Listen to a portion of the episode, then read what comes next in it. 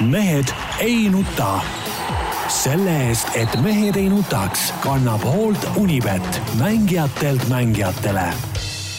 kõigile, kes meid vaatavad ja kuulavad, ükstapuha mis ajal ja ükstapuha millistest vidinatest. praegu on teisipäev, kell natuke üksteist läbi. mehed stuudios, kes ei nuta, Tarmo Paju Delfist. tegelikult puhkuselt, ei ole praegu Delfis. aga nagu teada, mehed ei nuta ei puhka. Peep Pahv jah, kohendab mikrofoni. Peep Pahv on Keilast, Vasalemmast, eriskorrespondent, korvpallitreener, mänedžer, rahaotsija, kohtunike sõimaja ja kõik muud säärast. tervist, meeskonnaorkester. ja, ja Jaan Martinson Delfist, Eesti Päevalehest ja igalt poolt mujalt. nii, kuulasin eile õhtul äh, uut spordiviktoriini, kus äh, kõik Delfi ja Eesti Päevalehe sporditoimetuse viimase aja juhid olid kohal. olin pettunud kuidagi, Peep. miks? no oleks oodanud, oleks oodanud kiiremini täpsemaid vastuseid. ei, vastupidi, seal oli pointi sees, et kiiresti ei tohtinud ütelda. pidi tekitama arutelu, et oleks saade natuke pikem. aga ei see te... see käib sellise saate formaadi juurde. ahah, ja siis sa nagu, siis sa nagu kohanesid formaadiga, ütleme jah mingi, mingi küsimus seal alguses oli küll, kus sa kohe prohti panid ära ja siis ma sain Ei, aru, et jala, jala aasta- ja siis jala, siis ilmselt laua alt hakati togima kohe, kuule ära jama. tehti, tehti paus, pandi pausile korra salvestus. ei pausi oli pandud, saade läks ühe, ühe hooga läks purki muidugi. jah, et see oli see, kui Sevilla mm ja mis aasta jah, see oli mul nagu meelest ära, et peaks arutama veel midagi. ei, aga tegelikult oli päris, päris tore, isegi see oli vist esimene podcast üldse, mida ma olen oma elus kuulanud. ma ei tea, eile sain alles teada, et see on juba ilmunud kusagil, et tegelikult see salvestus ei olnud muidugi reedel, vaid. ei, ei salvestus oli varem natuke jah. aga seal oli tead ma ei küsimuste näinud seda kuskil, see niimoodi läks Delfist nagu läbi, et ma, mul ei hakanud see kordagi silma ei, aga minul hakkas silma, kuulasin ära tegelikult väga, väga huvitav oli, kuigi noh, mõned küsimused olid seal noh, nagu liiga rasked, et, et, et sealt oli tõesti noh, no kasvõi see, et, et kes on need öö, võitnud need Miami ja selle jah, see oli päris raske küsimus. jah, et ne, neli tennisisti, et kes on ühel aastal mõlemad. kaks vist oli siiski. neli, neli oli neid, oli või? neli jah. aa, okei. jah. Sviatek, Krahv ja siis äh, Azarenka ja keegi oli veel. keegi oli veel jah, äkki, äkki Janin või ei olnud, ja mis, me pakkusime küll aga ma ei mäleta, kas see oli õige kohe, no lihtsalt jah. jah, aga ei, täitsa kobe ja saatejuht oli äge. Saatejuht ise nagu natuke närvis, aga see oligi nagu see tegi asja arust. no eks aukartus oli nii suur lihtsalt. no no kuuskümmend seitse protsenti, kaks kolmandikku oli Peebu suhtes ja siis äh, ülejäänud kolmandik oli siis äh, ülejäänud kahe külalise suhtes. ei, Ivar on ka ikka nagu ikkagi suursugune kodanik. nojah, eks see kahvatub kõik ikkagi. massi, juba massi poolest. jah, et südamel, südamel on see, et, et Peep, et kas sa oled oma kassile kella juba kaela pannud või? mis asja? ta, ei no ta, mul on kaks kassi, kumba kassi sa mõtled? Ei. ei, saad aru, tähendab täna, täna pikalt need eh, nii-öelda looduskaitsjad ja eh, loomainimesed ja kõik ütlesid, et eh, kassidel, kes käivad õues, peavad olema kellad kaelas, sellepärast et nad rapivad linde ja iga aasta kuskil nelikümmend lindu per kass läheb teise ilma. no lind on ise hooletu, kui ta jääb sinna kassi ette. ei, ei, tähendab, sa, kas sa seda, minu meelest on see kõige absurdsem, tähendab nii absurdset juttu, me abikaasaga otsime peast kinni, et no kuulge, kuhu meie maailm on läinud. kas sa ka, kaks nädalat tagasi umbes oli, oli juhtum, kui need loomakaitsjad leidsid koduhiire, keda kass oli natuke rappinud, noh, jalg oli katki nii, ja võtsid Ja selle, ei, viisid loomaarsti juurde. Viisid loomaarsti juurde ja, ja, ja kõik tehti operatsioonid, lõikused, värgid, särgid, aga kahjuks ei eh,, ikkagi see hiir suri ära. Ja siis selgus, et nad on ka ühe roti, kannatada saanud roti loomaarsti tema vist päästeti ka isegi, Ja tema- nii et lasti tagasi Jaa. linna nii-öelda ruumi. jah, ja jama rott, ei, sa, sa, sa Peep, usu, ebareaalne. on ju ebareaalne, no tõesti on ebareaalne. nii et Peep, järgmine kord, no ma tean, kassid teevad seda, hetkel mul kassi küll ei ole, aga, aga noh, kassid üldiselt eriti Toovad- veel toovad toovad, toovad väga uhkelt ikkagi ja mul on elus näiteid, kus ta toob ka tuppa ikkagi magamistuppa, siis asub seda veel, kui ta on elus veel, asub seda lennutama seal niimoodi, noh niimoodi, eks ole. Et järgmine kord, kui see juhtub, siis tead, et sa pead pöörd-, pead selle hiire ikkagi nagu päästeaktsioonile viima. muidugi pärast seda, kui meil üks kass elabki ainult toas, veel äh, majas sees ja viiri nähtud ei ole. aga kuidas sa suudad ühte kassi ainult toas hoida? no siis ongi, üks kass elab ainult toas ja teine kass elab ainult õues. suhtlevad üksteisega läbi akna. vot kui huvitav sellest peaks mingi eraldi loo, peaks meie lemmikloomaportaali toimetaja Helenile vihje tegema, et selline huvitav koostus on. et millest selline diskrimineerimine? ei, miks diskrimineerimine? no ühte ei lasta tuppa, teist ei lasta õue. sellepärast, et nii on ette nähtud. No ja mis see loogika seal on? ei, ma mõtlen nagu tõsiselt, ma ei tee nalja isegi praegu, sest mul on kahju, minul on kahju muidugi sellest toast, kes õue ei pääse kunagi jaa, aga seal, seal on oma loogika, las ta, las ta praegu jääb, aga ma võin pärast eetriväliselt seda loogikat selgitada mul tuttaval oli. kas kassid ei saa läbi omavahel või? ei, ei nad pole isegi, nad ei ole päris üheealisedki, neil on mingi aasta-paar vahet väga põnev, mul, mul, mul on, mul on nagu häiritud kohe nüüd praegu. Selles mõttes, et ma terve ülejäänud saate aja, kuni Peep siin salatseb, äh, pean mõtle, mõtlen kogu aeg, et huvitav, mis loogika see on, sest ma ise just ei taha oma praegusesse elukohta võtta kassi sellepärast, et ma noh, asukoht on selline, et minu arust seal ei ole okei okay kassi õue lasta, noh, sest et seal on autoteed, äh, teisest küljest ma ei taha teda nagu noh, ma ei taha enda elu niimoodi piirata, et terrassi uksed, kõik asjad kogu aeg peavad kinni olema selleks, et kass ju tahab välja, kui see võimalus tekib seal. isegi mul linnas teise korruse aknast vahel üritas välja pääseda. et noh, see on nagu loomulik on ikkagi kassil nagu õue pääseda. ei tea, mis ta seal toas, mul tuleb ta väga rahul, magab siin ja magab seal. ei taha õue tõesti või? Ma väga ei ole küll tal tähele pannud, mõnikord ukse lahti eest ja mõnikord on uudistanud sealt ukse alt välja, aga ega ta päris õue ei lähe. ma arvan, et ta on oma eluga väga rahul. jah. no nii, lähme spordi juurde ehk. no lähme. räägime rallist, et sai Hispaanias käidud ja. sellest rallist rääkimine muidugi, ma segan kohe vahele, et see on nagu nii tüütu tegevus praegu, et sellest nagu ei viitsigi midagi rääkida. on et.... midagi uut rääkida ei ole, nii nagu ma tänase täiesti kirjutasin, et. ei, ärge nüüd jamage. kõik on täielik, kõik see täielik pläma ja, ja enne, kui on ütleme tiimide ja, ja arvates õige aeg, et noh, nii mitte ühtki reaalset uudist ei tule. tähendab, ärge hakake sellist juttu üldse rääkima siin. täna hommikul, kui ma saatsin saate teemad meie sporditoimetajale siis äh, ma selgelt kirjutasin sinna sisse, kas mehed ei nuta teab või vähemalt aimab midagi, mida teised ei tea. ootus ilmselgelt Peep ja Jaan teie suhtes on, et te vähemalt aimate midagi, nii et ärge hakake siin saate algul kohe nagu seda ootust maha tõmbama. muide, äh, ääretult, ääretult lahe oli seal Hispaanias, tähendab, see, see oli noh, täielik mänguilu muidugi, eks äh, Hyundai, Hyundai poolt. et enne siis seda äh, punktikatset, seal oli pikk, pikem pooleteisttunnine vaheaeg, on ju, siis ajakirjanikud kogunesid sinna kohvi topsi, topside juurde ja, ja siis no et, et mis Ott Tänakust saab, eks.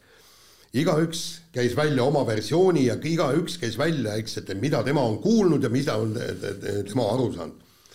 seesama sakslane, tead, jah, et see vend, vend ütles, et tema rääkis, et tema, et ma rääkisin Otiga ikka täitsa puhtsüdamlikult niimoodi rääkisime pikalt ja, ja kõik niimoodi.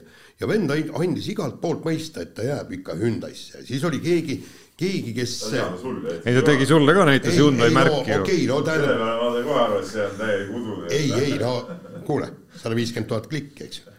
nii, ja, ja, ja siis üks teine ajakirjanik ütles ka, et, et tema on jälle Äh, selle äh, Julien Monseega rääkinud ja ta on ka Otiga ja tema saab ka kõik nii. ja siis ühesõnaga see, see punt seal arutas kümmekond minutit, et mis võib saada ja äh, leidis lõpuks jõuti üldisele järeldusele, et kui me oleks pidanud noh, nagu hääletama, siis oleks see punt hääletanud selle, et, et Ott jääb ikkagi Hyundai'sse. ja, ja siis, just ja siis, ja siis, kui kui rahulikult tähendab ralli oli läbi, kõik äh, õhtu koitis, olin just õhtusöögilt tulnud, siis till-till tuleb äh, mulle kohe sõnum kenasti, et, et Ott on äh, Hyundai'st lahkunud ja ja, ja, ja nii on, aga muide, tähendab, minule räägiti, et üks põhjus, noh, seal on üks teine põhjus ka võib-olla, et miks, tähendab, mulle räägiti, et, et Ott ja ega Martin Järveoja ei teadnud veel selle sama päeva hommikul, et see uudis välja lasti aga, aga üks, üks põhjusena, mis mulle öeldi, oli see, et, et Hyundai võit-, proovis ära võtta eh, tule sellelt, et Toyota tuli meeskondlikuks maailmameistriks ja sellepärast paiskas uudisse välja sama päeva õhtul. ja mis, kui, kui te vaatate lehti ja portaale ja kõik, kas keegi üldse kuskil kirjutab ja mainib seda, et Toyota on meeskondlik maailmameister no,? ei, ei, mainitas küll. no jaa, aga umbes seitse. Natuke keerad jälle üle. ei no jaa, aga ta on. Ott Tänak uudis oli, oli sel hetkel uudis number üks, aga, aga ütleme see, et Toyota tuli maailmameistriks, see jõudis juba seal selle õhtu, selle päeva jooksul olla juba piisavalt äh, üleval. aga see, et see ilmselt vastab tõele, et, et see asi äh, ütleme, selgus alles seal kohapeal, et seda, seda, sellest olen mina niimoodi aru saanud siin see nii, niipidi olema. Aga no täpselt sama virvarr on läinud lahti nüüd siis äh, pärast seda uudist, et äh, olgu siis samal õhtul või järgmisel hommikul äh, virvarr siis selles mõttes, et noh, keegi justkui ei tea, on ju, aga kõik võimalikud teooriad käivad, käivad üksteise võidu läbi ja, ja mõned noh, justkui mitte ta-, teadjad, vähemalt noh, selle loogika järgi, et keegi ei saagi võib-olla teada veel, on ka väga veendunud selles, kui nad mingeid versioone nagu välja käivad, et kui kasvõi Twitterisse Ott Tänaku nimi sisse, sisse panna ja siis hakata hakata neid tweet'e järjest seal võtma ja noh, siis noh, ma ei tunne neid kõiki autoajakirjanike maailmas nüüd äh, kohe nimepidi ära, aga kui sa lähed, klikid sinna peale ja siis, siis saad aru, et äh, enamik või tähendab, mõne, mõnigi neist on ka tegelikult kas siis Soomes või Prantsusmaal või kuskil tegelebki nagu püsivalt autorallist kirjutamisega, noh siis, siis, siis ütleme väga veendunud laused selle kohta, kuidas kindlasti on M-sport järgmine koht või sama veendunud laused selle kohta, kuidas jumala kindel on, et Jaapanis on diil juba tehtud Toyotaga, käivad ikkagi nagu üksteise võidu kuni selleni välja, et äh, järgmisel aastal Toyotas on siis koos nii Tänak, Rovanpera kui ka Ogier täishooaega sõitmas seda Ogier ütles ära, et täishooaega ikkagi sõida. muide, kõige, kõige lahedam oli so Soome ajakirjandus, täna vaatasin, äh, äh, tähendab üks artikkel ilmus vist eile pea, umbes pealkirjaga või, või, või seal sisu oli see, et, et Jari-Mati Latval, eks Toyota boss, andis selgelt mõista, mis saab Tänakust. ja siis kirjeldati, et, et ühesõnaga kõik see, et äh, andis mõista, et Ott Tänak läheb äh, ikkagi Toyotasse.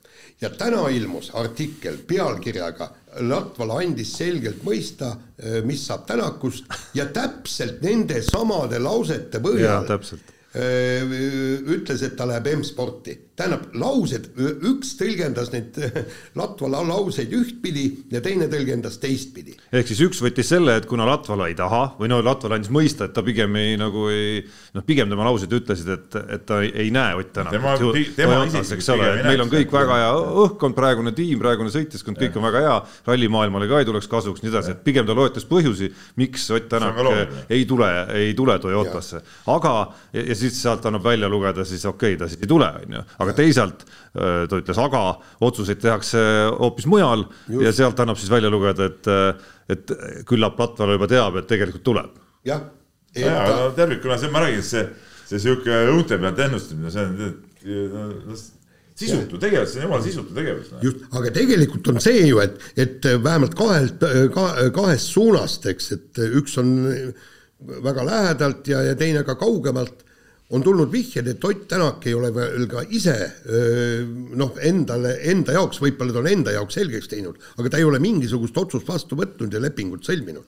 ja, ja, ja, ja see on võib-olla kõige tõenäolisem asi ja, ja, ja kui see, kui see asi tõesti nii on, siis on tõesti kõik need ennustamised ja värgid nagu täiesti mõttetud ei, need on mõttetud muidugi, jah. eriti veel, kui, eriti veel, kui, kui tõesti Tänak ise ka veel võib-olla ei tea. neli varianti üks, et ta lõpetab üldse, üks on Toyota, üks on M-sport ja kolmas on see, et hakkab äh, ilmselt siis Toyota R5 autot äh, arendama no see lõpetab üldse, on veel nagu variandiga no A ja B, no, see, see võib olla üldse ja see võib olla ka äh, arendamine tähendab ka nagu tegelikult sisuliselt lõpetamist, eks ole. ja, ja seda küll, jah. et, et see on nagu, see on nagu mitme otsaga asi, no tegelikult ikkagi üks, üks oluline küsimus on ikkagi see, mis, mis sellest äh, Äh, Redgrave tiimi äh, ja Hyundai lepingust saab, et need ei ole, see ei ole üks ja sama leping, äh, Tänaku tööleping ja siis tiimileping, et et, et ma saan aru, et selle kohta ka selget otsust veel ei ole. aga kui ta sõidaks kuskil teises, ise sõidab kuskil teises tiimis, siis see võib-olla oleks jälle natuke veider, aga võib-olla jälle ei ole ka, noh, kui, kui see leping jääks kehtima, et, et siin nagu, nagu neid äh, küsimusi nõus palju, aga ma ütlen, et noh et ega, ega enne selget vastust ei saa, kui, kui need äh, ametlikud teated tulevad, et noh, see, see võib olla, tunduda jube põnev nagu see arutelu, aga noh, aga see on nagu selles mõttes mõttetu nagu. ja aga üks asi on nüüd see Tänaku eh, minemine, tulemine, siirdumine, lõpetamine, teine asi on ju see, et, et nüüd hakkab ju seal nii-öelda ralliturul ikka hirmus möll pihta. Ja, ja kuigi ta on käinud, eks no jällegi, sealsamas Hispaanias kinnitati täiesti veendunult, eks, et, et Mikkelsen ja, ja mida ma ka tegelikult usun, et läheb Hyundai'sse, eks, Oliver, Oliver Solbergi asemel, eks. aga, aga, aga mis oli veel üks huvitav versioon, käidi, jällegi keegi ajakirjanik, kes teadis väga täpselt, eks. et äh, et Malcolm Wilson meeni-, meelitab siis Thierry Neuvilli M-sporti ja kahel põhjusel. et Hyundai ei saa Toyotast niikuinii jagu ja sul ei ole võimalus tulla maailmameistriks, aga kui Hyundai saab nii tugevaks, siis Toyotast tugevamaks, siis on sul ikkagi Ott Tänak jalus aga nüüd on Ott Tänak läinud, nii et, et Neuvillil ei ole mingisugust mõtet. see, see tundub ikka päris umbluu. ei, ei, ei, ei, ma räägin sulle, mis versioon, eks, aga. no ei, see on need versioon. Hyundai on ju Neuvilli tiim, noh, põhimõtteliselt. no, no ja. natuke teades ka neid eh, maailma ralli ajakirjanikke, siis seal selliseid umbluu vendi on ikka ka omajagu muidugi, kes segast peksavad lihtsalt. Noh. aga, Nad ei ole päris tõsiseltvõetavad. Noh. aga, aga no selles mõttes küll, et eh, no praegu võibki juhtuda niimoodi, et Irina Vill, kes on tõesti väga kiire ja väga tubli sõitja ta jääbki maailmameistritiitlit. ei no Vill jääb nagu... maailmameistritiitlit sellepärast, et ta ei ole võimeline kõikides äh, tingimustes olema kiire, vaid ta on ikkagi kiire ainult äh, või õigemini on, on teatud rallid, kus ta ei suuda olla kiire ja sellepärast jääb tal maailmameistritiitel nagunii saamata. puha, mis autoga ta sõidaks. sest tal oli võimalus, tekkis üks väike aken, kui Ogier sõitis äh, Saaniga ehk siis Citrooniga ja, ja, ja seal, seal oli tõesti, laud oli lahtine, võtke see maailmameistritiitel vedeles, Ott Tänak võttis selle maailmameistritiitli rahulikult ära ja kõik korras.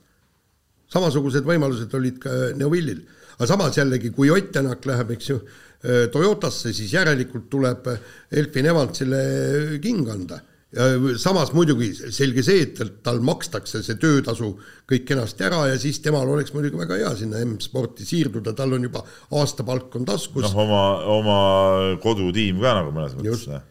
et äh, selles ei oleks nagu iseenesest midagi imelikku, kui Evans sinna, sinna läheks, aga noh, ma väga loodan, et et kui Tänak jätkab karjääri, et ta ei jätka Toyotas, noh, see minu arust sellist oleks nagu ebahuitav noh aga, aga no vaadake. ma ei tea, minu arust on see kahe otsaga jälle, et ta on nagu ühest küljest ebahuvitav üldpildi mõttes, aga teisest küljest võib-olla just huvitav, ütleme, ta, ta on nagu halb variant sel juhul äh, halb variant kogu rallisarja. ja, ja aga me ei tea ju ette, kas, kas see Ford tegelikult on, oleks Ott Tänakuga nagu konkurentsivõimeline Kalle Rovanpera no, vastu, nagu olema, päriselt läbi hooaja kõikidel rallidel selle kiirusega, millega sõidab Ott Tänak. no need äh, lööb on ju näidanud, et kui ta on ikkagi selle autoga sõitnud, siis ta on kõik korrad olnud ju Liiga. kuni auto lagunemiseni on ta olnud ju tipus noh, ühe korra võitnud ka, nii et noh. et no ma mõtlen, kui praktika peaks selgi-. spordi häda on see, et seal ei ole lihtsalt stabiilset äh, sõitjat olnud, kes läbi hooaja oleks sõitnud ja kellel oleks olnud piisavat kiirust, et et äh, Priit nagu enda aktsiad, ükspuha, kui ta saab veel kuskile sõitma, mida iganes, tema oma aktsiad on minu arust nagu maha mänginud selle hooajaga, sest et sest et esiteks punkt üks, ta ei ole enam noor, ei saa ütelda, et nooruse pärast ei saanud seal hakkama ja, ja punkt kaks on see, et, et ta nüüd on tal oli võimalus, talle anti võimalus olla tiimi esinumber, mitte midagi välja ei tulnud. noh, kui miks siis kuskil teise, teise autoga peaks tulema, et, et, et tema on nagu sulanud lumi ja minu arust tema asemel võiks üldse mingit noortemate meeste poole hakata vaatama. muide, tegelikult see, mul hakkas tõesti M-spordist hakkas täiesti kahju, eks seal olid ju kõik olid koos, tuli siis meeskonna öö, omanik Malcolm Wilson oli kohal, miljonär ja kõik ja vaadake, ükski WRC auto ei katkestanud, eks ju, ja kõik viis Fordi olid seal päras, pärapõhjas, mitte ükski Ford ei suutnud edestada mitte ühtegi Hyundai'd ega, ega Toyotat. Ja kui sa vaatad katseaegu, see on ebaloogiline, et autoga, mis tõesti on kiire, millega saab sõita, nad saavad ju Katsutalt saavad konkreetselt seal ei kiiru, ole sõidumehi, saad aru. kiirus, Priinid, isegi Priin saab ju Priin suudab sõita kiirelt ainult kiiretel rallidel, kui ta püsib tee peal ja ongi kõik, keda mujal. see oligi üsna kiire ralli no,, aga siin. no jaa, aga no.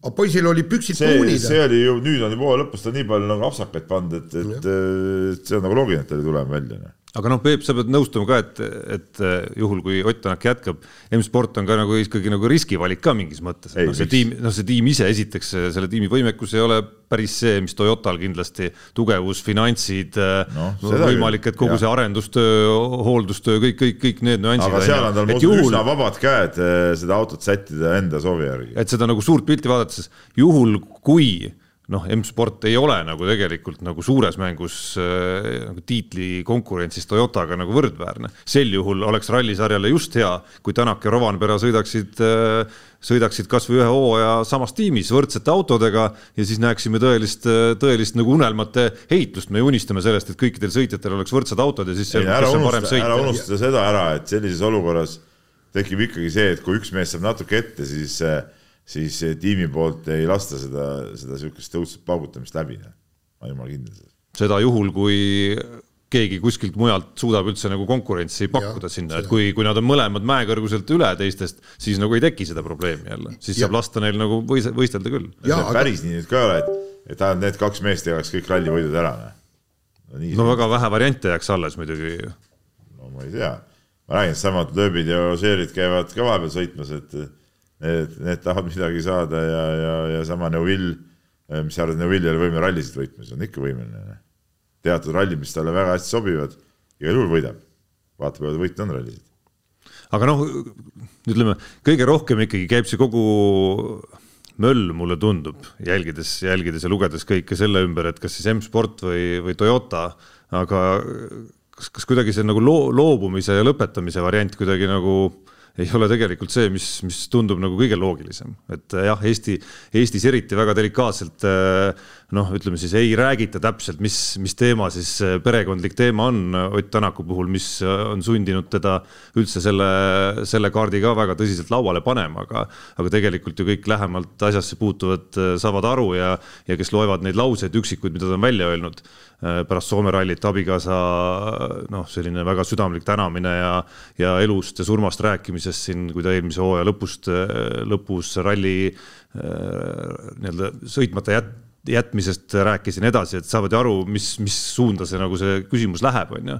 ja kõike seda teades, siis see tundub ju nagu inimlikus plaanis kõige loogilisem variant. ja näiteks see, see teadmata, teadmata, teadmata täpseid ja, asjaolusid ja olukordi ja, ja nagu Tänak ise ütles siin viimati, et äh, vaatame, mis see perekondlik seis on, aga, aga kindlasti see tundub ju kõige, see tundub ju ja. mõnes mõttes ikkagi kõige loogilisem. jah, ja, ja aga kusjuures sinna on ju ka äh, pikitud ka see nii-öelda vahevõimalus, et ta lööb kaasa üksikutel rallidel. üksikutel rallidel, jah näiteks no tõesti, ta, tal oleks hea, mõnuga sõidaks ju Rally Estoniat ja Soome rallit on ju, eks. ja võtaks siin kindlasti veel mõned niisugused magusad, Sardiinia ja.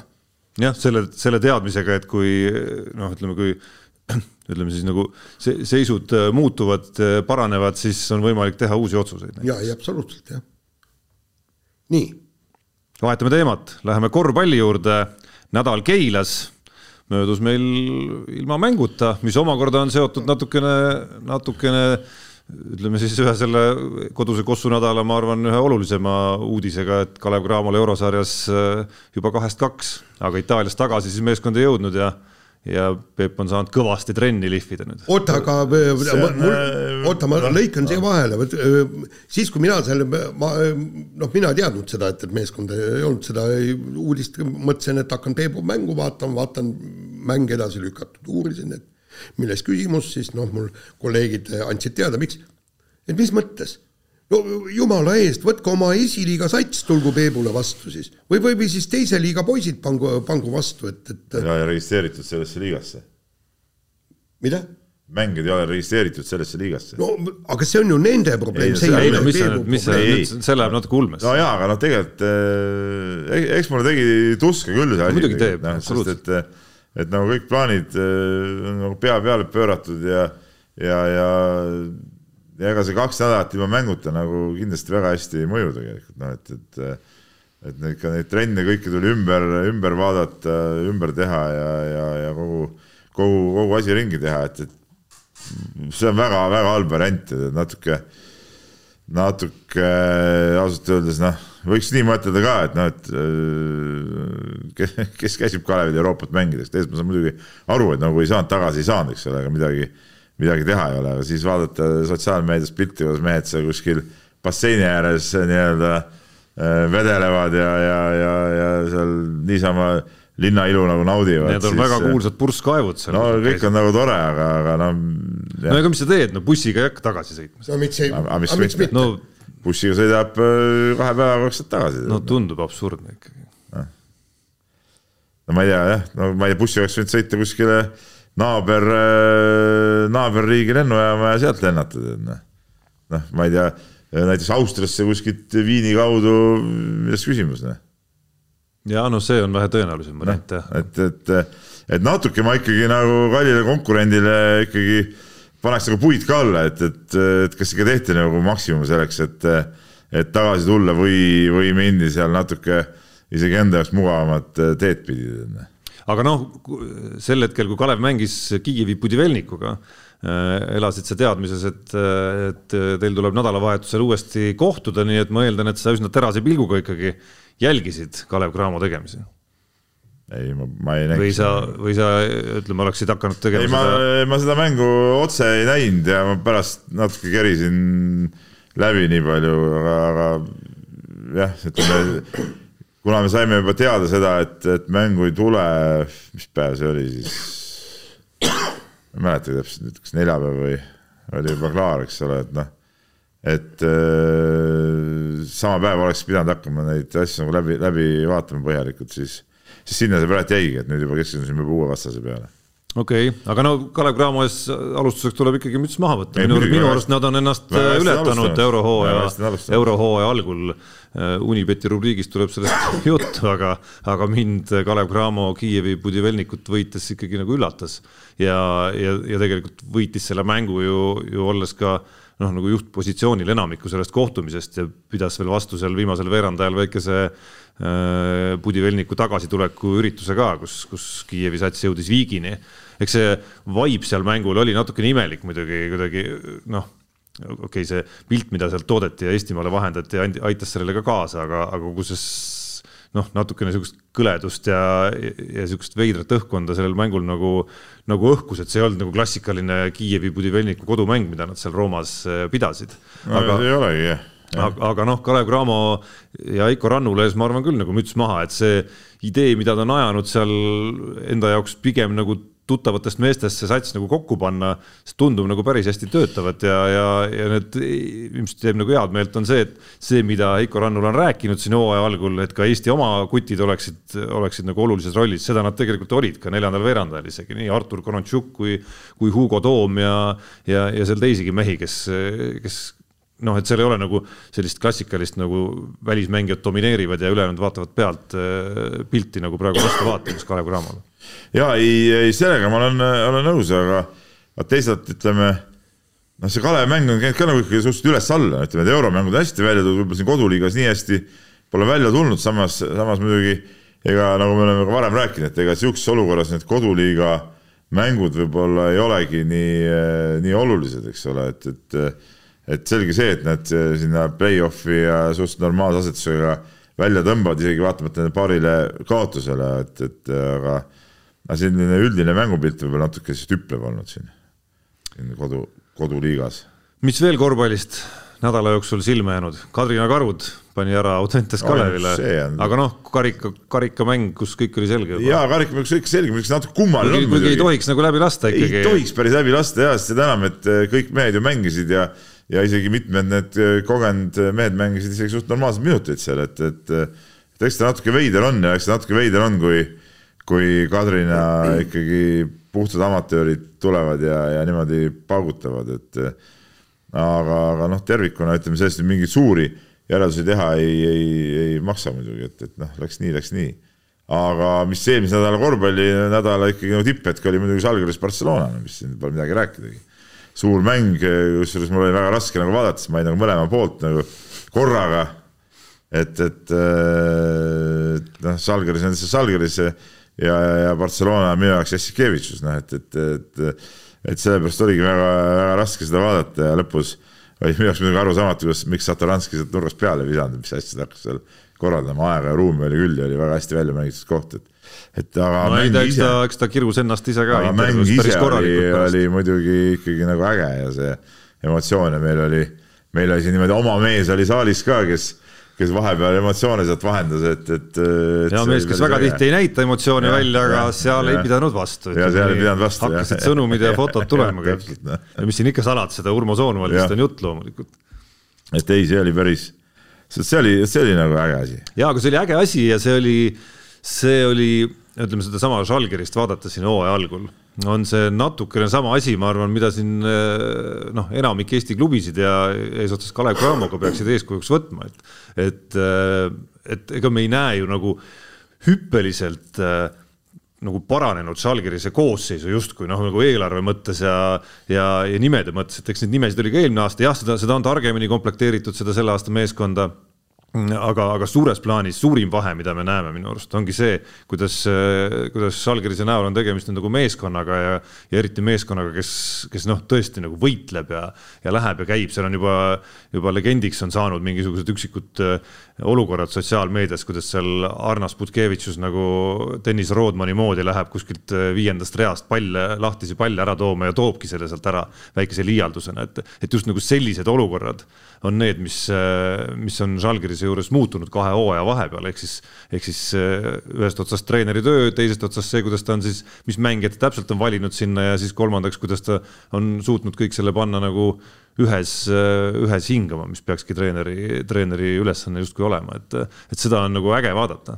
ja seda on väga äge vaadata ja, ja, ja noh, no kuidagi on jah, ütleme nagu uus hingamine natuke seal, seal võistkonnas ja, ja no eks see nüüd ütleme selle selle vägeva võidu pealt äh, ma usun, publik püsib ka tükk aega saalis, et, et see kannab nagu seda võistkonda rohkem edasi, et, et selles suhtes on nagu, on nagu äge. ja et no kui sa niimoodi mängid sellise hingega ja selliseid olukordi tekib sul seal, kus, kus sa nagu pärast paned äh, nagu ütleme, sa, sa võitsid selle mängu ju niimoodi, et sul ei olnud seal ühte, ma ei tea, Mike Jamesi või kedagi, kes mhm. kuidagi viskab suuri viskeid sisse ja, ja kuidagi tassib su ära, et, et sellest mängust jäid siis nagu äh, sellise nagu võtmehetkedena meelde pigem mingisugused muud hetked, kuidas keegi päästis kuskilt palli ära või kuidas keegi mängis otsustaval hetkel jube hea kaitse, kaitseolukorra, no Edgar, Edgar Azulanovas mängis neid olukordi mitu tükki no, no, otsustavatel hetkedel, et kui sul sellised hetked jäävad siis nagu otsu, otsustavatena meelde, et siis on see, tähendab see seda, et isegi kui sa ja ma arvan, et sa ei võida Barcelona suguseid alati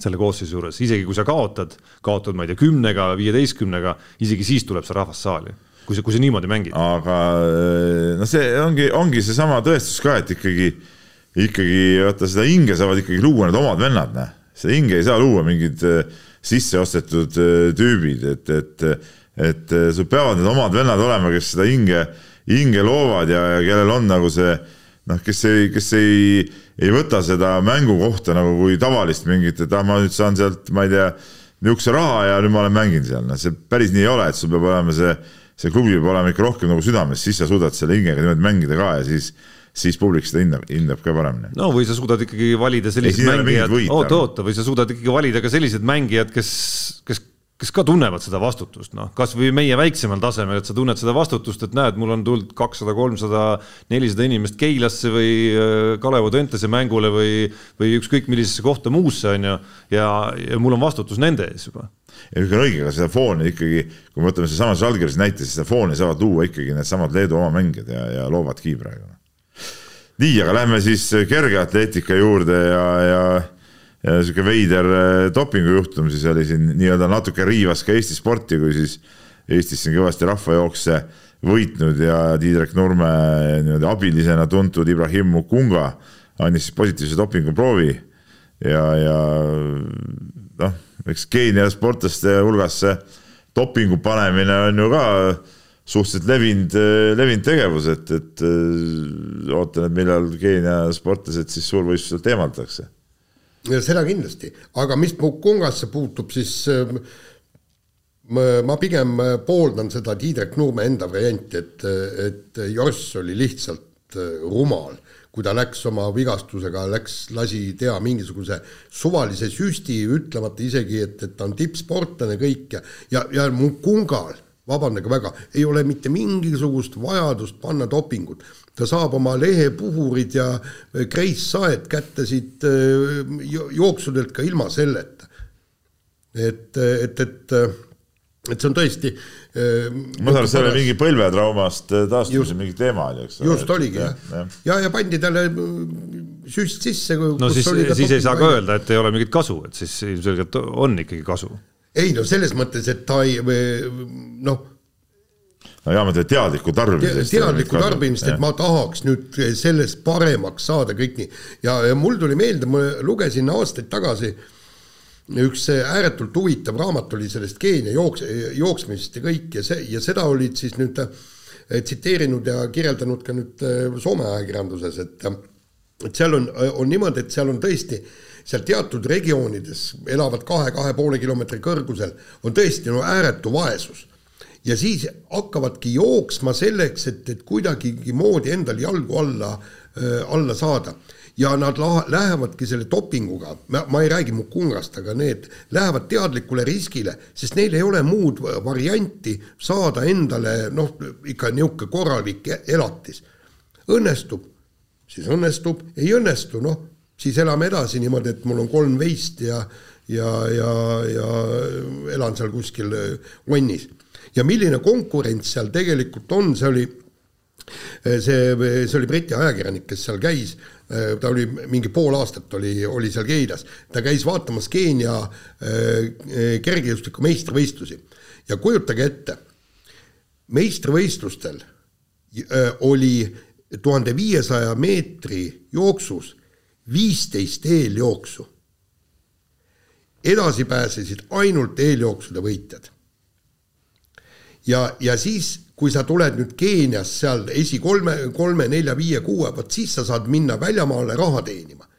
aga kõik need ülejäänud, kes ei saanud isegi sinna finaali, lihtsalt läksid tagasi ja treenisid edasi. kujutage ette seda konkurentsi.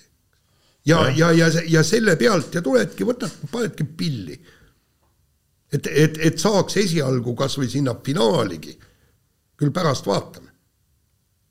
Ja ei, eks see loogika on olemas selles jutus jah et ega see noh, kogu aeg on räägitud, eriti mis puudutab kolme tuhande meetri taktikalist jooksu, mis on maailma kõige kõvemad võistlused, eks ole, et MM ja et, et kõigepealt on Keenia meistrivõistlused, Keenia sõjaväe meistrivõistlused ja siis, siis on MM alles on ju. aga nii ongi noh.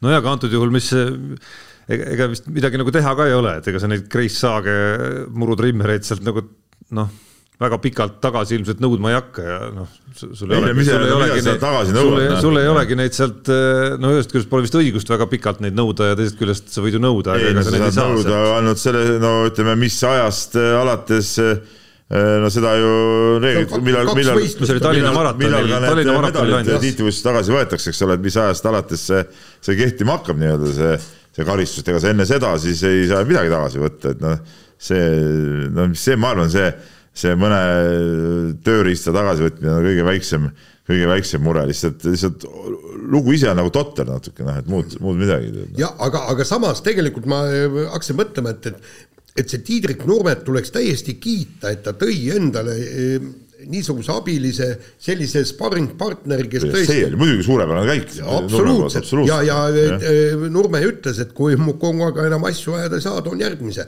ja, ja, ja, ja see, vot see paneb imestama, eks, et nüüd Tiiret Nurme saab, aga aga meil on teised sportlased ka, kas või Kergejõustikuliit, aidaku, siin võib-olla neid, kellel, kellel see pappi, pappi ei ole, aga tegelikult ütleme, Mukunga ju eh, tema, tema nii jaoks... ka ei saa, et alaliit hakkab tooma mingeid eh, suvalisi geenersi siia, et tehke meie meestega koos trenni, et noh, see on, see peab olema ikkagi selle sportlase enda soov, et kellega ta sobib ja, ja., ja mismoodi see mingi klapp tekib, et, et sa niimoodi, niimoodi, ma ei tea, äh, rublavaguneid siia koha peale tuua, nagu noh, see nagu ei ole no, nagu okay, reali, aga, realistlik nagu.. aga, aga tõesti, meil on nüüd teised jooksjad ka ja miks nemad ei ole sama, samamoodi läinud, kusjuures see, see Mukunga ju teenis endale oma elatisi ilusasti siin ju nende jooksuvõitudega ära, tema oli ju hirmus rahul, ta on ju külarikkaim mees no jaa, aga mis, mis puudutab nüüd meie jooksjaid ja kergejõustiklasi ja treeningut, siis, siis päris, päris huvitav nüanss tuli välja siin seoses selle kergejõustiku auhinnagalaga, mis, mis. ei, ma juba tean, kuhu see jutt läheb. Et kuidas siis nagu tegelikult äh, tipud äh, trenni teevad ja ei ole need siuksed üritused ka üldsegi segavaks. Ja ma mõtlesin selle peale, et kui, kui mulle räägiti, kuidas äh, Ingebritsen Kalevi staadionil, inimtühjal Kalevi staadionil üksinda seda oma lõigutrenni tegi, siis ma mõtlesin, kus, kus kõik need Eesti jooksumehed siis olid ja mulle siin pärast keegi kirjutas, et jaa, et osad Eesti jooksjad olid kuskil Krossi jooksu Balti matšil, aga no seal ei olnud ju kõik, eks ole, neid, et, et et kus siis need noored on, kes tahavad tugevamaks saada või, või, või, või mida iganes, eks ole. no hooaeg on läbi. ei, hooaeg on läbi, ma ütlengi, et no hooaeg on läbi, aga, aga näe, siuksed trennid käivad ja, ja, ja kusjuures kõik need, kõik need tipud, kes siia tulid, kõik, kõik tegid ka ju, ju korralikku trenni, noh, et ja, ja, ja kui meil juba praegult mis meil on siin oktoobri lõpp, noh siis staadionil sa vaatad, üritame kedagi kohtada, et kõik üritavad saali minna, aga, aga, aga vastupidi, ütleme need tipud kõik tegelikult äh, tegid oma trenne nagu õues, et noh ja, ja, ja korralikke trenne, et noh, see on, see on minu, arust see oli, see oli väga ülihea ja õpetlik äh, näide nagu, kuidas asjad tegelikult käivad. see, me, see natuke, mul lihtsalt üks seos eilsest õhtust tuleb sellega, et ma puhkusel, nagu ma olen, aega on natukene rohkem, hakkasin Netflixist vaatama siis dokfilmi Redeem tiimist ehk siis sellest kahe tuhande kaheksanda aasta USA sellest loost, kuidas nad siis nii-öelda panid kokku selle satsi, mis peab siis USA jälle nagu tippu tagasi viima korvpallis ja, ja siis äh, oli vist kaks tuhat seitse aasta enne nad valmistusid äh, valmistusid valikturniiriks, Ameerika valikturniiriks, kuna nad MM-il jäid ka kullata, siis nad ei saanud otsa ju Pekingi olümpiale ja Kobe Bryant oli toodud siis sellel suvel sinna, sinna võistkonda juurde. ja siis seal, ma jäin poole peale selle filmiga, aga siis seal oli selline koht, kus äh, siis selle nii-öelda Las Vegases olnud äh, laagri ajal mingil hetkel, ma, ma eeldan, et ju siis oli mingi kergem koht seal selles laagris, äh, läks siis kogu sats põhimõtteliselt läks ka natukene ööeluga, ööelu nuusutama siis, väljendame ennast viisakalt. üks mees ei läinud, see oli seesama Kobe Bryant Eh, kes noh, ongi selline või oligi selline omaette hoidja natukene ka ja siis, kui kogu sats tuli tagasi, jõudis hotelli tagasi, mingisugune seal nüüd kellaajad erinesid erinevate meeste kirjelduses. Kas kell neli või pool kuus, siis kui nad jõudsid hotelli tagasi, keda nad fuajees nägid, oli Kobe Bryant, kellel oli trennivarustus kaasas, kes samal ajal läks siis hommikul eh, jõusaali trenni tegema eh?. ja mis, mis edasi juhtus, oli siis see, et äh, varsti käis kogu sats koos temaga umbes nii, mitte päris nii vara, aga, aga noh, põhimõtteliselt siis ta nii-öelda tassis nagu eeskujuna siis äh, kogu selle muu staaride paraadi ka, kes, kes esialgu mõtles, et sa oled lolliks läinud, tassis siis selle ka endaga kaasa. Või noh, nii-öelda pani südametunnistuse põksuma ja, ja lõpuks kõik mehed äh, reageerisid sellele liidrile siis. no nii on jah nii, aga võtame järgmise teema ja äh, Nõmme Kalju kaotas jalgpalli karikasarjas kahek-, äh, kaheksandiki finaalis esiliiga B-klubile Tabasalule null-üks, kusjuures Tabasalu teeb head tööd, kas Kristal Mar-, Marko Kristel oli seal mingi asja ta oli kunagi, ma ei tea, kas ta praegu on no,. aga ta on igal juhul Tabasalus elab, annab oma hinge ja, ja, ja, võimalik. jah. Ja...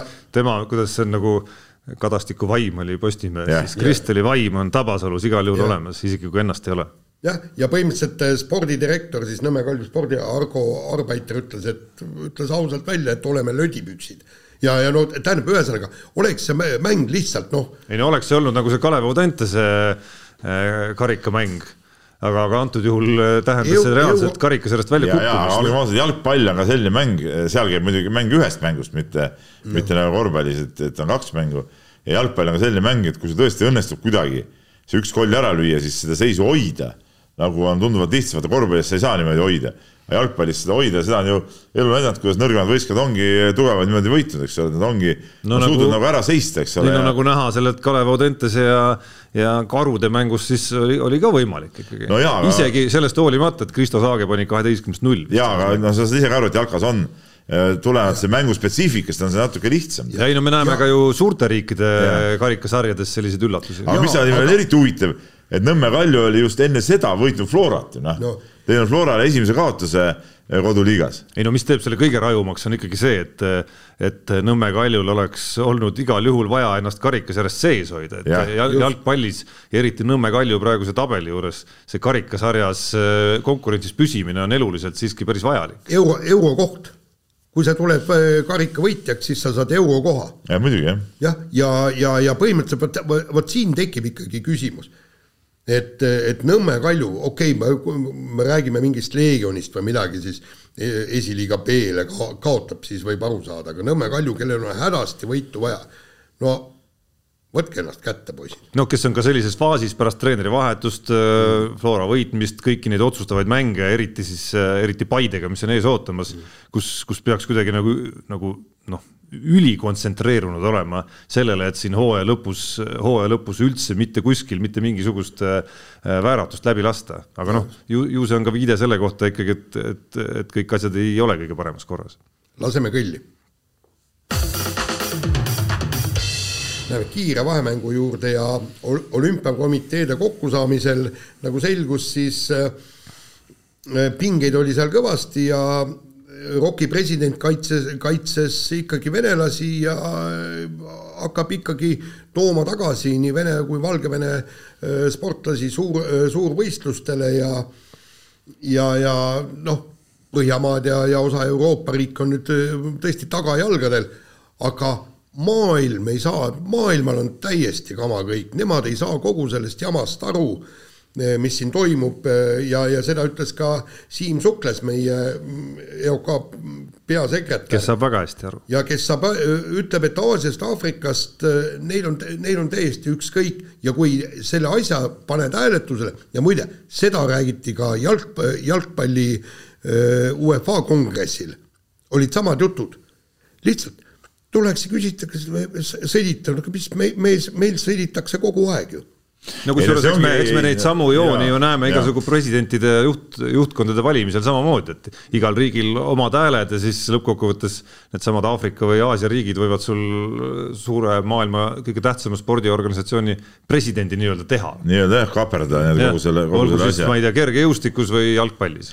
ei no aga see nagu no eks see ongi, vaata, meie siin vaatame oma, kuna see sõda on siin nagu ikka nagu meie regioonis, niimoodi ütelda maailma mõistes, siis meie vaatame seda ühe pilguga ja need, kes on kuskil äh, kaugel, need vaatavad teise pilgu, nii nagu meie vaatame neid äh, kuskil kaugel toimuvad äh, sõdu nagu teise pilguga.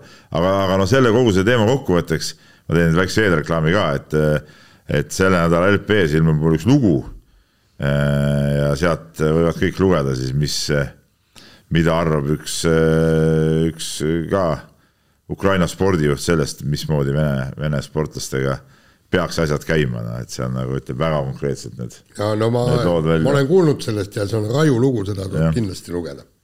no Toomas no, Pahh meenutab mulle siiski aina rohkem äh, Gerhard Schröderit. no Toomas Pahh nagu, nagu ei saa nagu maailmast nagu üldse aru enam, noh, tegelikult tundub. ei no minu, minu, minu jaoks meenutab ta aina rohkem, ta on ju ka sakslane, aina rohkem sedasama Schröderit, kes siin äh, ka hea meelega, ma arvan, külmutaks sõja praeguses seisus ära ja hakkaks, äh, laseks ja. Venemaa gaasitorud Saksamaale ja, ja teeks teeks äri edasi. ja, ja seda, see on üks asi, äri, mingis mõttes äh, ma nagu võin nagu mõista seda, võib-olla seda soovi, et noh, nagu siis läbi spordi nagu kuidagi noh, tekitada see olukord, kus me nagu näitame, et noh, et nagu kõik ei ole nii halvasti ja, ja et noh, on võimalik kuidagi neid venelasi ka nagu noh, mingeid normaalseid venelasi ellu tagasi, teoreetiliselt on võimalik seda mõista, aga ütleme praeguses olukorras, mis nagu eriti siin nagu viimasel ajal on nagu nagu läinud nagu eriti rajuks nagu ütleme tavaelanike suhtes. no lihtsalt, lihtsalt tapetakse tavaelanikke. et noh, siis selle taustal nagu kurat, see ikkagi, oi vabandust, jah, no see nagu ei ole ikkagi reaalne, eks ole. ei no ja kas te, eh, kas, kas te näete kuskil, no nüüd väga palju venelasi elab ju ka väljaspool Venemaad, et kas te näete kuskil äh, nendesamade venelaste poolt mingisuguseid proteste, sõjavastaseid proteste, et kuulge, lõpetage see ära, mitte no see, kuskil. see protest. ei no sa ei näe, no isegi, isegi, isegi välismaal elavaid iraanlasi on, kes protestivad. Iraanis toimuva vastu. aga, aga venelasi mitte. see on ju ka mõttetus tegelikult. no ei ole mõttetus tegelikult. mis sa, lähed selle papitükiga sinna kuskil saatkonna ukse ette? see näitaks ju, see näitaks juba, see näitaks juba kasvõi seda, et, et, et nad saaksid aru et kui, kui näiteks neid lubatakse igale poole tagasi, et siis, siis see on nagu nii-öelda nagu noh, nagu žest, eks ole.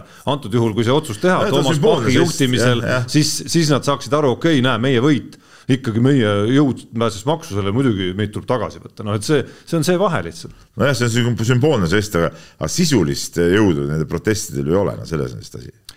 vahetame teemat nädalavahetusel käis pühapäeval Anu Välba saates Gert Varik, motokrossi MM-sarjas hõbemedaliga ajalugu teinud mees.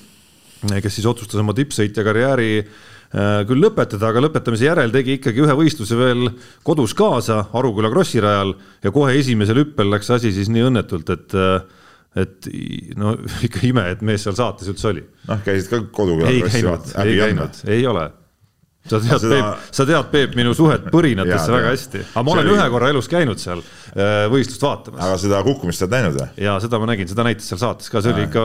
ma saadet ei näinud ja ma olen seda kukkumisvideot varem, varem näinud, see oli päris raju muidugi ja ma saan aru, korvpoissil pilt tuligi vist ette alles, alles kiire peale. jaa, aga nagu Varik ütles seal saates, et kuna tegemist on füüsiliselt nii võimsa mehega, siis äh, kõik äh, luud jäid äh, tänu sellele ilmselt terveks. korvipoisil. aga, aga see, see kõlab nagu mingisugune nagu filmi stsenaarium, et et oli juba karjääri lõpetamas, mõtlesin, et ühe asja teen veel ja siis juhtus. ei no sõber kutsus Aare Kaurit. ja Aare Kaurit, kes, kes on, ütleme tegelikult Variku karjääris ikkagi väga olulisel kohal ja, ja, ja ütleme, push inud seda tagasi siis Aare Kaurit on siis esimene Eesti külgvankritega motomees, kes MM-medalini jõudis, et, et omal ajal pronksi sai. ja, ja, ja nüüd, nüüd push'is siis nii kaua seda Gert Varikut, kui, kui Varikul õnnestus ka see asi ära teha ja, ja veel hõbe hoopis välja kätte saada, et. aga jaa, ei no Karl Märk muidugi, noh Karl Märk sihuke kukkumine. no jaa, aga samas, kui, kui sa vaatad neid, neid motomehi. päris normaalsed ei ole muidugi, see on nagunii täpselt, see on ka selgemast selgem. mäletad, kunagi oli selle Leokis tehti ju see nii-öelda graafik, mis tal katki kõik on läinud. katki on ja põhimõtteliselt ega tervet kohta eriti ei olnud. ma ei mäleta, kummast Leokis see oli, kas see oli Aigarist või Tanelist, aga emast kummast see oli? Tanelist vist või?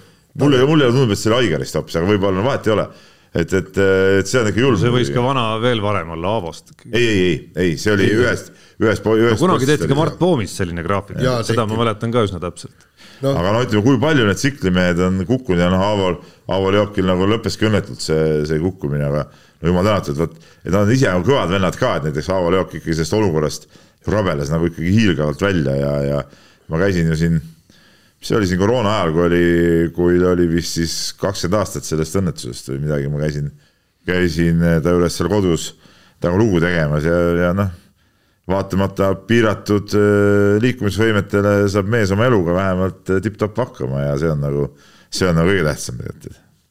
nii, aga lähme edasi ja, ja jalgpallimanu uuesti ja Eesti jalgpalli noortekoondisele Martin Vetkal pikendas Itaalia suurklubiga AS Rooma lepingut kuni kahe tuhande kahekümne viienda aastani ja see on juba selline, selline aeg, kui ta võiks juba seal võistkonnas ka mingeid tegusid teha tead, äh, lugesin seda äh, uudist ja, ja hakkasin mõtlema, et et noh, see on täpselt, täpselt sama nagu umbes nagu spekuleerimine selle Ott Tänaku tuleviku ümber. Et äh, mõte on see, et, et me võime neid lepinguid teha, no mis pagana vahe see on, et kahe, kahekümne viienda, kahekümne kaheksanda aastani ma tahaks näha, et seesama mees sealsamas AS Roomas äh, saaks põhikoondises platsile kõikides mängudes ava, avarivistuses ja hakkaks tegema noh, nii nagu tegi siis Ragnar Klavan või Mart Poom. vot see on väärtus. See, et, et ta sõlmis lepingu, tore küll. ei, see ei, midagi. ei, kuidas, no väärtus on juba see, kui noor mees ütleme, temas nähakse sellist potentsiaali, et temaga tehakse eh, pikk leping. Noh. aga see õigeolelusvõitlus, Peep, see, see muidugi, see muidugi sellega algab alles. seda küll, aga eh, kui sul seda lepingut ei ole, siis sul ei olegi võimalust seda olelusvõitlust pidada. absoluutselt, see on, ei no sul on, ei no sul on võimalus teha, teha alus, seda jah. nagu Klaavani või Mart Poomi teed pidi, et sa ja. lähed nagu samm no,, natukene nagu, no sa ei lähe kohe noorena sinna, vaid sammhaaval kõigepealt Eestis. mina arvan, et see on ikkagi. jah, aga, aga, aga ükskord me peame jalgpalliosakonnale andma pangu ritta, kui palju meil on neid mängijaid, kes on tõesti niisugune suurklubide, suurklubidega lepinguid sõlminud ja, ja, ja palju ne-, palju neist siis seal suurklubides mängivad no,? null. jah, see tõe, tõe, ma arvan, et see tõejätk natuke nüüd on, vaadates, kui palju neid praegu nüüd on, just Vetkali pluss-miinus üks-kaks aastat vanuses.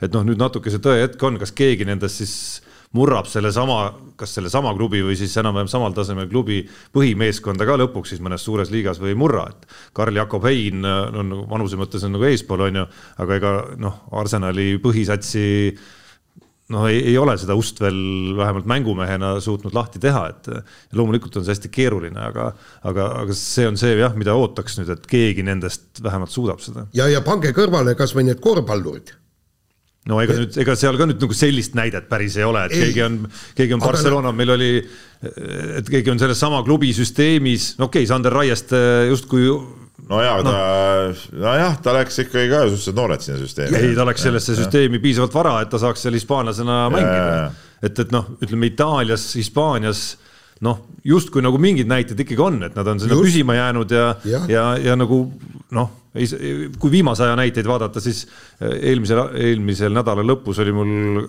ka korvpalli rohkem aega natukene vaadata, siis, siis, siis ka Sander Raiestet on sel aastal palju rõõmsam juba vaadata kui, kui varem. No jaa, ta on ikkagi saanud nüüd eh, mänguaega, jah. jah, ja, ja, taaskord jõuame muidugi natuke treeneri teemani ka tagasi, et, et minu arust on ka seal tiimis, kuigi seal ei ole hispaanlasi üldse peaaegu üks hispaanlane, kes naljalt äh, platsile kunagi ei saa. Äh, tõsi, treener ise on hispaanlane, et siis, siis seal me näeme, hoolimata sellest, et sats on legionäridest, näeme ka sellist nagu natuke Žalgirise sarnast sihukest nagu tuhhi ikkagi üleval, et saab ja, teha ka. viimase mängu muidugi kaotasid üsna. ei, viimase nad võitsid Reali vastu. ei, ma mõtlen, ma räägin Euroliigast praegu, see oli suht nagu, nagu kuidagi kehva ütleme kuidagi see mäng nagu kukkus nagu täiesti ära neil nagu seal lõpus. Noh. ja aga noh, pühapäeval, pühapäeval, pühapäeval oli, oli kõva. ülikõva mäng tegelikult ja. just ja just sellesama sellise nagu võitluse ja selle poole pealt, mismoodi seal ütleme isegi Sander Raieste seal Vincent Poirier'ga seal pani külgi kokku vahepeal ja ja Kotsar võitles Tavaresiga seal ka ikkagi nagu noh, see oli korralik maadlus seal, mis seal tegelikult käis, et päris äge oli vaadata. nii, aga võtame järgmise teema ja jääme korvpalli juurde ja äh, Kristjan Kangur hurraa, nelikümmend eluaastat, aga vanameeste viies kümme hakkas käima. viies kümme hakkas käima, aga tere tulemast klubisse! jah, aga vend paneb nagu noor jumal, et paneb siin nihukesi kontserte, keskmised näitajad neliteist koma kaheksa punkti ja kümme lauapalli. koondise kandidaatide list avaldati siin üks päev just, ma ei näinud kangurit miskipärast seal, kuigi neid numbreid vaadates ja seda, et Kotsar ei tule ja võiks nagu olla küll, on ju. võiks nagu olla küll. jah, aga no ma arvan vähemalt, et tuleb kaua see, kaua see vend äh, omadega välja paneb? ma tuletan veel kord meelde, Margus Metsaks läks selles vanuses veel Poola äh, mängima pärast no, EM-i, nii et, nii et äh, Kangur on tubli, aga Metsakini on minna veel pikk tee. no just et.... noh, ja samas olukorras, kus siin kodusel turul, kus meil on satsi nii palju nagu on, ma arvan, et kuni ta püsib füüsiliselt sellises korras võiks nagu turgu talle jätkuda ju, ju küll, ma ei tea, ma ei tea täpselt tema palganumbreid, aga, aga noh, ju see on piisav, et ikkagi hoida ennast veel sellises vormis ja, ja ikkagi edasi mängida, et tahaks uskuda küll, et, et noh, siit enam ei, ei, ei tohiks nagu mingit järsku ärakukkumist nagu tulla, et, et mingi vanus on mingi töö nagu teinud. vastupidi, selles vanuses võibki ärakukkumine tulla järsk tegelikult no ei tea, noh, just, just vaadates ja teades tema seda, mida ta teeb ja Aga millist, no, millist vaeva ta näeb selleks, et ennast nagu timmis hoida, on ju, ja pluss, kuidas ta siis nagu väljakul suudab targalt mängida, ilma et ta peaks ennast seal kuidagi nagu lõhkuma. et, et, et selle loogika järgi võiks, võiks ta ju nagu rohkemgi teha, kui see üks aasta, mis tal praegu käsil on. nii, aga selle saatuse lõpetuseks toome tagasi ka ühe meie vana hea rubriigi Nädala Ronaldo. meie suur lemmik Cristiano Ronaldo on pääsenud äh, maailmas üheks äh, enim kõneldud spordimeheks. Viimasel nädalal kahjuks küll põhjustel, mida me tema suure fännina ei tahaks, aga tundub, et tema Manu karjäär hakkab läbi saama, sest äh, mees keeldus siis äh, vahetusmeeste pingilt väljakule tulemast, mispeale on ta nüüd üldse meeskonnast eemaldatud ja, ja ilmselt, ilmselt ka üleminekuaknas lahkub. Ja siit küsimus treener Peep Pahvile, et kuidas sina lahendaks olukorra, kui näiteks Marcis Vitols tuleks sama jutuga sinu juurde, et mina küll pingilt väljakule ei, tule. siin ei ole mingit juttu. noh, koju Lätti. kas pink või, äh, või koju jah, siin ei ole midagi rääkidagi hämmastav ikka mõnes mõttes, et. Äh, kus, kus üldse mees nagu, äh, nagu üks asi tuleb, et ta nagu keeldub minemast ja siis mõtleb, et see on nagu okei okay, nagu.. et ma mõtlen, kus see, et kuidas see staaride ego nagu selliseks nagu läheb ikkagi on nagu huvitav äh, kõrvalt vaadata, et, et ühest küljest on ju teada tema meeletu töövõime ja, ja see, kui, kui, kui kõvasti ta trenni on läbi karjääri teinud, aga siis mingis küsimuses on see ego nii suur, et, et justkui teate küll neid mängujärgseid ja mängueelseid ja kõiki neid intervjuusid, kus äh, need standardlaused kõlavad alati, et ma olen valmis alati tegema seda, mida meeskonnal on vaja, et võita ja, ja, no ükskõik mis alal, ma arvan, et jalgpallis, korvpallis, võistkonnaalades käivad need jutud alati ühtemoodi, aga siis sellistes olukordades ikkagi selgub ja see Ronaldo ei ole ju üldse ainus, oleme korvpallis, NBA-s eriti näinud selliseid mehi küll ja küll, siis ikkagi tekivad sellised kohad, kus kus nagu tuleb välja, et ikkagi, ikkagi siis ei ole valmis kõike tegema, mida meeskonnal vaja. no kindlasti ei ole, lihtsalt ongi see ego nii suur nendel. Noh. tead, ja, ja see reaalsustaju kaob selle suure ego tõttu ära, sellepärast kui vaadata Ronaldo tänavust hooaega, on ju, eks. et vend ei ole ju nagu millegiga, millegagi silma paistnud, eks. ja, ja nüüd sulle antakse võimalus platsile minna. kui sa, kui sa oled tõesti niisugune tegija mees, siis sa lähed rõõmuga platsile ja näitad lööd selle värava ära ja vot siis tead, no nagu seal publikule näitab, vot mina olen Ronaldole, kõik nii. aga sulle pakutakse seda võimalust ja sa ütled, et sa ei lähe nüüd mängima. no on. noh, ja, ja, ja, ja vend ju võiks reaalselt nagu peas kedrata, aga mida ma olen sel aastal teinud üldse? selle eest, et ma niisuguse papi saan. kõll Unibetis saab tasuta vaadata aastas enam kui viiekümne tuhande mängu otseülekannet. seda isegi mobiilis ja tahvelarvutis. Unibet, mängijatelt mängijatele. Nonii, ennustajad mehed. panin rallile kaks panust, äh, lootsin äh, Ott Tänakule ja ühe panin siis, ma ei mäleta, kahe sõitja vahel, kes keda, eks kumma, kummalegi kümme eurot, Ott Tänak ei võitnud, aga teine panus läks täppi ja see oli täpselt üks kahele, nii et, et kakskümmend panin, kakskümmend võitsin, nii et, et olen omadega nullis mina siin mängisin mingi tennise asjade peale ja kust sa jõuad sinna? saate ajal, ma saan aru, läks live panust panema, ma saan aru. aga läbi. kohusetunne on tekkinud. mäng ei ole läbi saanud veel, noh. aga kuidas lootused on? ei, ma praegu ei leidnud enam üles, mis need seisud on, aga ma vaatasin, et, et ei ole veel lahendust tulnud.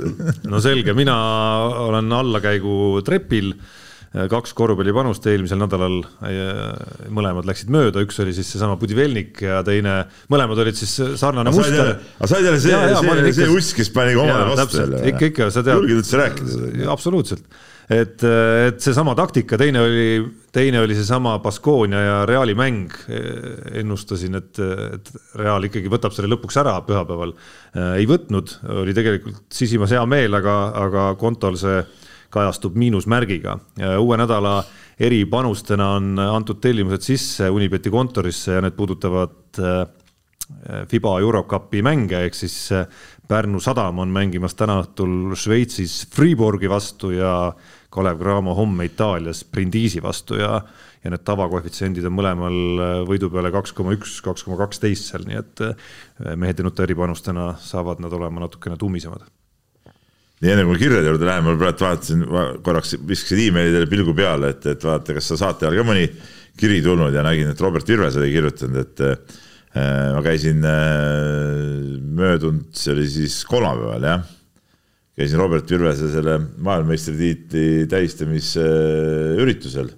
väga tore üritus oli ja lihtsalt, mis ma selle jutuks toon, on see, et ma sain sealt ka vägeva, vägeva äh,, vägeva auhinna, ehk siis äh, juunioride maailmameistri sõidukindad võitsin äh, viiest küsimusest koosneva äh, viktoriini, mis tuli siis nagu mobiiltelefonist panna vastuseid. Kahuuti mängisid? see ei olnud Kahoot, ta oli Kahooti moodi, aga ta oli mingi teise nimega, tead noh, jah. aga põhimõte oli sama nagu Kahootil, jah.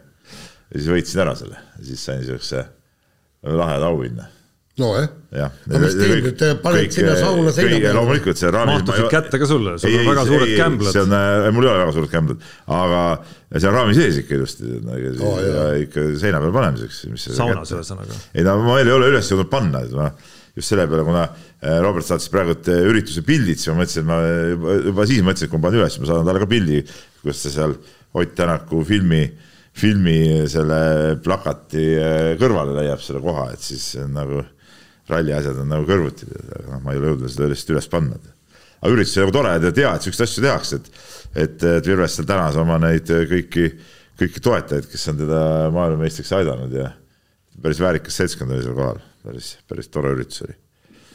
vot nii, ja läheme kirjade juurde ja, ja teadlane Priidik, siis meie legendaarne, julgesin ütelda kirjasaatja, kirjutab nii, et see, kas Tänaku otsus oli hea või halb õige ja vale näitab aeg. päevakajalistest sündmustest lähtudes tekkis mul küsimus, millised on need silmatorkavad halvad karjääriotsused, mis on teinud Eesti sportlased, kes on aga selliste otsustega tõmmanud täisloosi? no siin on pika, ma nägin seda kirja, aga, aga kohe nagu nagu no Marko Märtini otsus Pesoosse minna, minna, minna oli, vot see on kahe otsaga jälle sportlikus mõttes kindlasti äh, halb, rahalises mõttes kindlasti väga hea. jah, ja, ja seal ju Peugeot tuli oma suure autoga välja. jah, tuli see, see on nagu, ei olnud nagu väga hea ralliauto jah. just, kolmsada kaheksa oli see, muidu enne sõitsid kaks või kolmsada kuus, tähendab nüüd on, ja ennem oli kakssada kuus oli see, millega Grönholm võitis kaks tiitlit, eks ole, aga siis selle, selle autoga midagi ei, ei võidetud.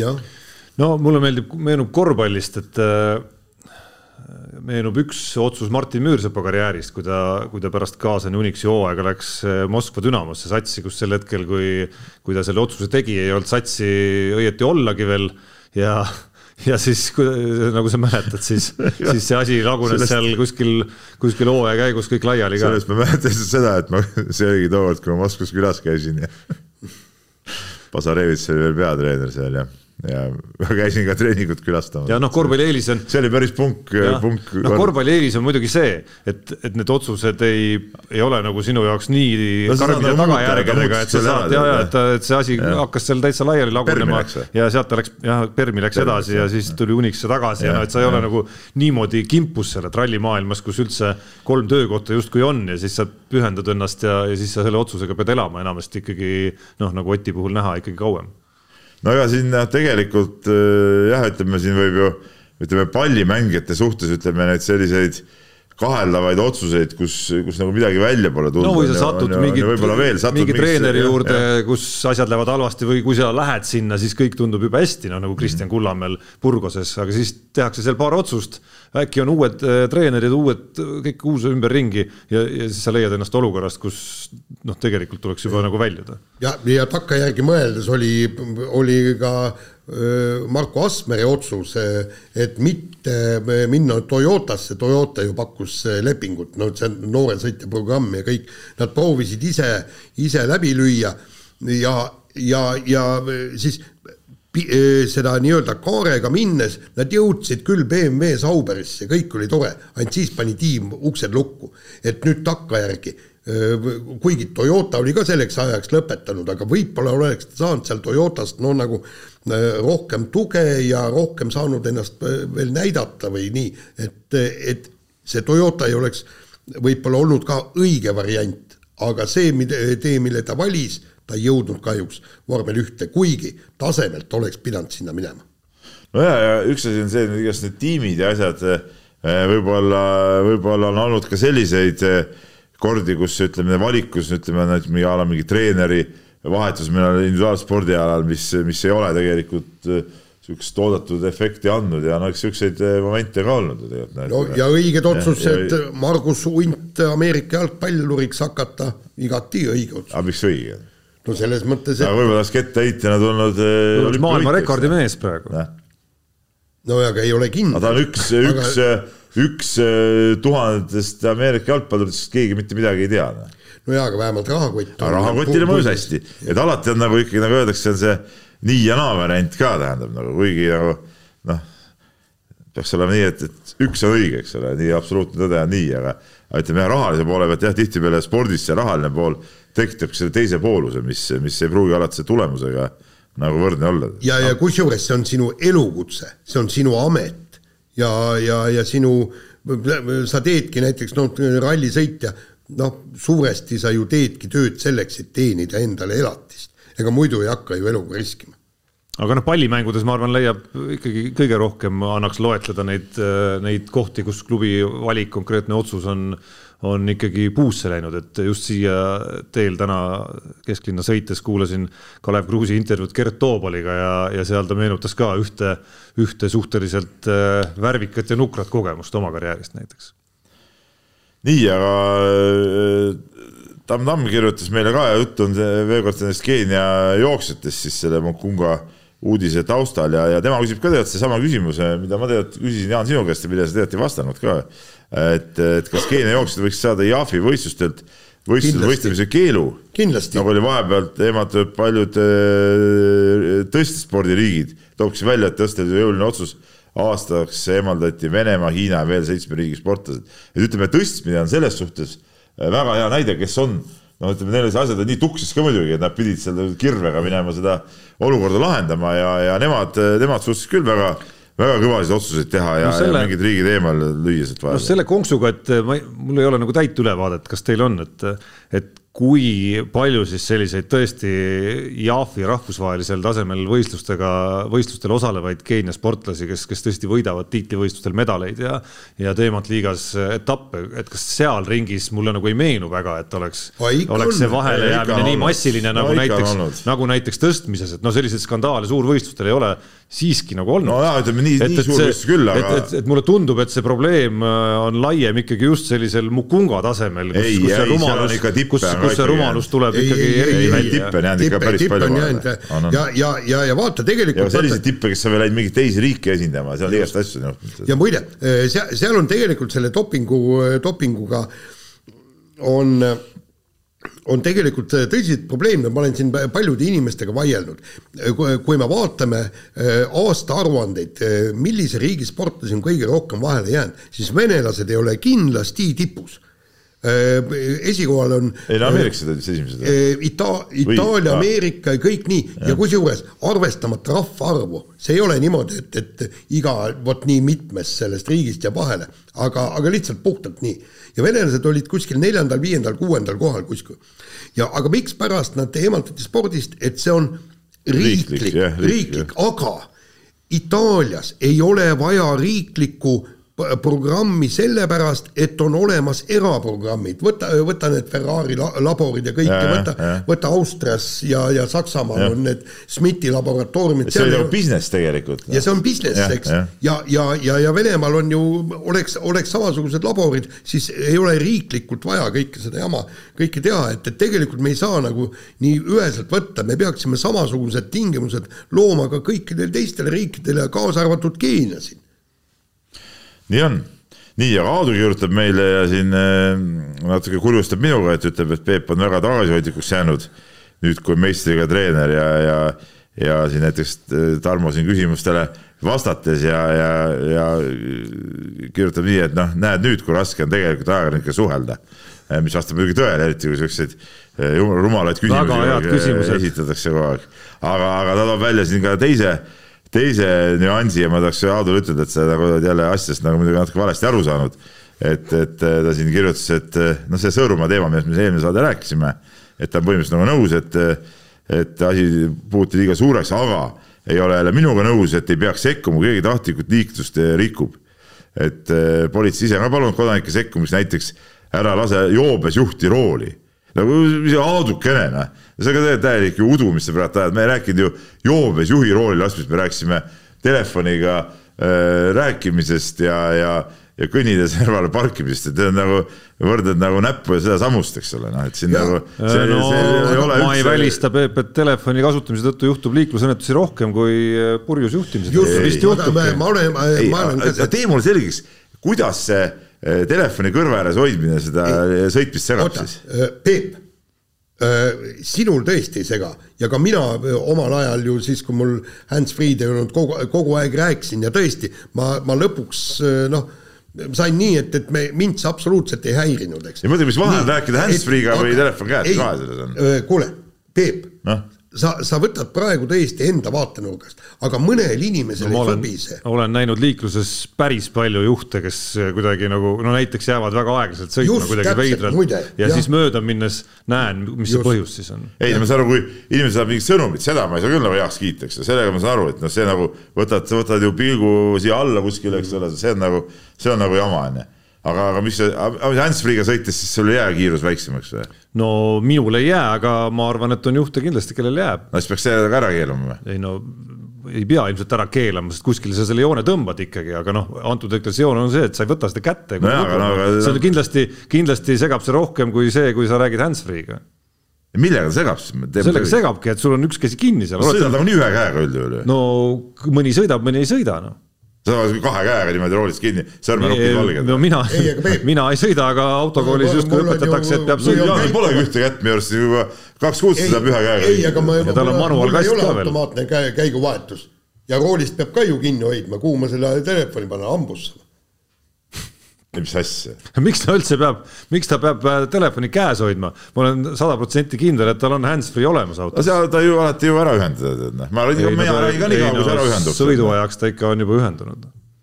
sõiduaja, siis istub, hakkad sõitma, siis veel räägid, siis mingi kümne-viieteist sekundi pärast ühendab ära, no on nii normaalne. aeglaselt sul või?